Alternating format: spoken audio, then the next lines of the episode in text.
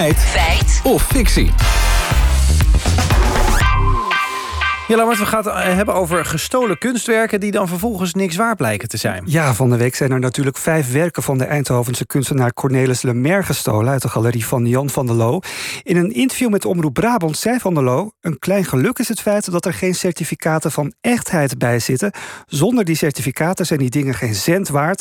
Ze hebben iets gestolen waar ze niks aan hebben. Ja, dus, dus, oké, best wel raamtje. Ja. Je hebt toch kunstkenners Precies. naar die la, maar het- kunstwerk. Het moet een certificaat hebben. Ja, anders kunnen ze het ook niet op marktplaats zetten. Dus we zijn er maar eens ingedoken om te beginnen bij galeriehouder Jan van der Loo zelf. Die hebben we vanmiddag even gebeld en gevraagd hoe zo'n certificaat van echtheid er dan uitziet. Het zijn gewoon ja, te vellen papier. En daar staat de foto van het schilderij op. De beschrijving staat erbij, maten. de- en dan de handtekening van de kunstenaar staat erop. Mensen echt, dat schilderij hoort bij dat certificaat. En daar kun je, daar kun je ook niet mee sjoemelen. Nee, kunstwerken van nu krijgen dus wel een certificaat van echtheid. Maar dat geldt niet voor kunstwerken van oude meesters. Het probleem is gewoon ontstaan door die meestervervalsers. hè. Die zijn allemaal die beroemde kunstwerken na gaan maken. Dus daar zit ook geen certificaat bij. Maar daar moet wel een hele beschrijving bij zitten.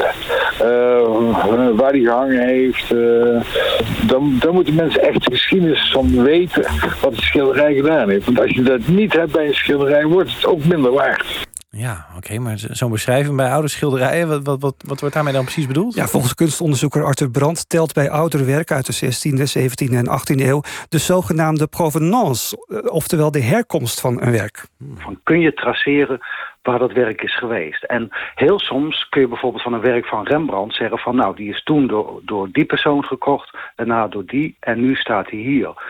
Maar dat is niet altijd zo. En daarom is er, zijn er voor heel veel schilderijen is er ja, eigenlijk altijd wel strijd van is dit nou een echte Rembrandt of is dit nou geen echte Rembrandt?